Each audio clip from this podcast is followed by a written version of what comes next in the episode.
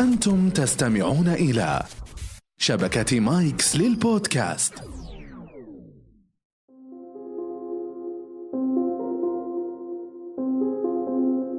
حقيقة أتمنى أن ألقي أمام الآخرين ولكن مشكلتي الكبرى كيف أحضر المادة العلمية التي سوف ألقيها أمامهم؟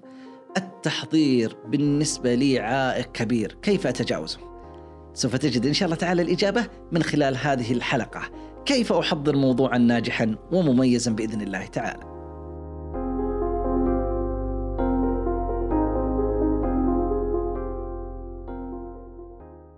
السلام عليكم ورحمة الله وبركاته. أسعد الله أيامكم ولياليكم بكل خير.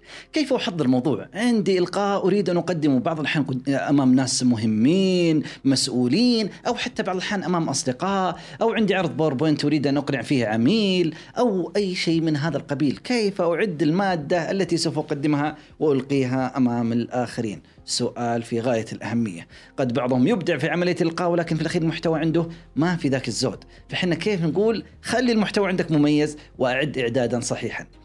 في عدة نقاط مهمة.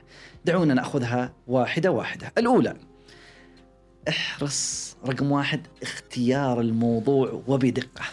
ما هو الموضوع الذي سوف تتحدث عنه؟ بعضهم يخلي الموضوع عام كذا ومطاط. لا لا لا لا. خليه واضح ودقيق سبيسيفيك محدد بشكل كبير حتى تستطيع أن تصل إلى عمق هذا الموضوع وتغطي الجوانب التي فيه. إذا رقم واحد اختيار الموضوع. رقم اثنين جمع المصادر. اقرأ بكثرة في هذا الموضوع. وشاهد مقاطع يوتيوب وخليك متمكن من جميع الأمور في هذا الموضوع. على سبيل المثال لو قرأت كتابا ووجدت فيه معلومة حلوة وجميلة ما هو الحل؟ أشر عليها. معلومة ثانية أشر عليها. في النهاية سوف تجد أنك طلعت في نهاية الكتاب هذا يمكن ثلاث أربع خمس صفحات التي أشرت عليها. ترى هذه زبدة الكتاب ويعتبر بالنسبة لك هو ملخص الكتاب والأمور اللي أنت تهتم فيها. بعدها تستطيع أن تجمع هذه المعلومات التي أخذتها من هذا الكتاب. مع الأمانة العلمية ولو احتجت أن تشير إليها. لو احتجت أن تعرضها كما هي بنصها يحتاج أن تشير إليها من باب الأمانة العلمية. قد يكون كتاب ثاني. قد يكون مقطع أخذته من اليوتيوب. قد يكون آه، مقطع صوتي آخر. حديث مع آخرين. أنت أصبحت مشبع بمعلومات وكم هائل من المعلومات عن هذا الموضوع الذي سوف تقدم فيه عملية إلقائية أمام الآخرين. إذا هذه الخطوة الثانية جمع المصادر والمعلومات. رقم ثلاثة الترتيب. بعضهم يأتي لك وكأنه أنت أمام مجلة اختيارات متنوعة. هنا شوية وهنا شوية. لا لا. الترتيب المنهجي المنطقي المتسلسل يبدأ لك بالموضوع بتعريف بعض الكلمات الأساسية شفهية من غير تعقيد ومن غير حاجة. بعض الأحيان الناحية الأكاديمية تثقلها شوية. خليها بطريقة بسيطة وحلوة. آه، قد تضطر أنك بعض الأحيان تذكر هدفك من هذا الإلقاء وبعض الأحيان سوف يأتي تبعا. وبهذا الشكل رتبها بطريقة جيدة وجميلة. أثناء عملية الترتيب لا تنسى أن تطعم ما تقدمه من مادة علمية بأمور متعددة. اللي هي تعتبر الملح في الطعام.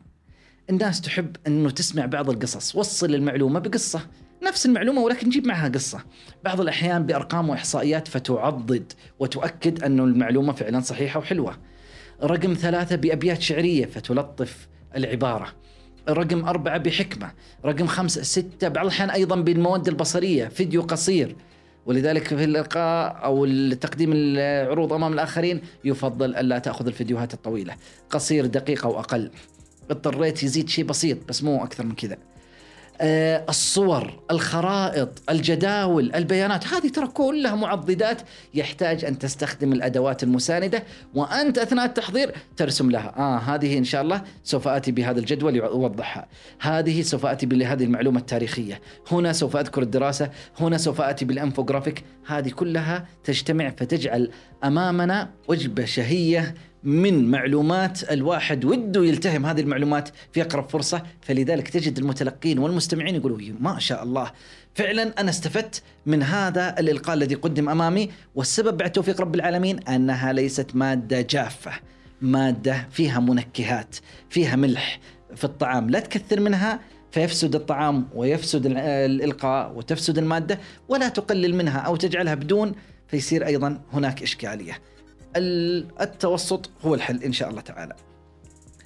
التي تليها. لاحظ أنك أول شيء حددت الموضوع بعد ذلك قرأت وجمعت المصادر ثم رتبتها بشكل جيد. نقول أثناء الإعداد والتحضير من أهم العناصر وأنت ترتب وتحضر رقم أربعة خليها مصحوبة بروح التفاؤل. روح التفاؤل لأن الناس في هذا الزمن أثقلها المشاكل الأخبار التثبيط الذي يعيشونه هناك حالة قلق حوالينهم فسوف تكون أنت بالنسبة لهم أكثر جمالا وروعة إذا كنت تقدمها بروح متفائلة جميلة تسهل الأمور عليهم ب معلومة وحقيقة ولا تسهلها عليهم بمبالغة فكأنك تكذب عليهم ولكن تقول تستطيعون إن شاء الله تعالى ولكن الطريق يحتاج إلى جهد عمل واحد اثنين ثلاثة أربعة فالناس تحتاج إلى التفاؤل حتى تكون هذه المادة التي تقدمها لهم أكثر إن شاء الله تعالى قبولا. الخطوة التالية التدرب على الإلقاء لأنك أثناء الإلقاء لهذه المادة سوف تكتشف بعض الثغرات. في المادة العلمية فتطورها. وتكتشف أنها طالت عن الوقت. أنا والله كان مخصص لي مثلا 10 دقائق أوه أنا والله لقيتها طلعت 15 دقيقة. لأنك تدربت وشغلت الوقت وجبت الجوال ولا أي حاجة ميقاتي فيها حساب للوقت وعرفت الوقت الصحيح. بعض الأحيان أمامك 10 دقائق إذا ألقيت تطلع لأنك والله ما جبت إلا خمس دقائق تقول أوه الحل لازم أعيدها مرة ثانية حتى أصل إلى العشر دقائق ولا يكون الوقت قصير جدا. فالتدرب مهم جدا. ترى هذا يزيد الثقة في النفس يقوي المادة والتحضير يقوي العملية الإلقائية. تعرف بعض الكلمات تقول هنا لازم أشد عندها هذه لازم أرفع صوتي فيها وبهذا الشكل. فلذلك التدرب من أهم الشغلات. التي تليها ضع وقتا للبداية ووقتا للنهاية. بعضهم يقول إن شاء الله خلاص بحضر وباقي شهر قدامي. تمر الأيام. أوه باقي أسبوعين. لا لا إن شاء الله أني سوف أبدأ بعدين. بعدها يقول والله خلاص باقي ثلاث أيام باقي يوم أنا باقي ما بديت ولا حضرت شيء. أول كان يقول قدامي شهر وعندي وقت ولكنه لا يبدأ التحضير الا متاخرا. ولذلك يفضل أن تضع وقت للبداية ووقت للنهاية. أنا سوف أبدأ التحضير قبلها بشهر ممتاز. اذا خلال أسبوع سوف أنتهي وأحضر المادة وأكتبها وتكون جاهزة أمامي. الأسبوع الثاني سوف أجعلها يعني أسبوع للتصميم. وتصميمها بشكل جيد أحد برامج العروض التقديمية وخلاص ومراجعتها. الأسبوع الثالث سوف أتدرب عليها، الأسبوع الرابع هي خلاص استعداد أخير ونفسي. هذا التحضير والترتيب والجدول الزمنية سوف يجعلك مرتاح بإذن الله تعالى في تقديمها بشكل مناسب أمام الآخرين. عليكم بالتحضير والإعداد فهو طريق النجاح. هنا مقولة حلوة لدايل كرنجي يقول: التحضير يعني التفكير والإستنتاج والتذكر. ثم بعد هذا كله اختيار ما يعجبك وصقله وجمعه في وحدة فنية من صنعك الخاص، دائما في التحضير نقول لازم لك لمسة فنية خاصة، أنت لمستك، بعض الشغلات تلقاها تقول أوه والله هذه لمسة فلان، دائما هذه طريقته في التحضير في الكتابة في الإعداد له لمسة خاصة، يحتاج أن يكون لديك لمسة خاصة ولست ناقلا فقط. نتمنى لكم التوفيق. فالتحضير هو مفتاح النجاح في العملية الإلقائية بإذن الله تعالى.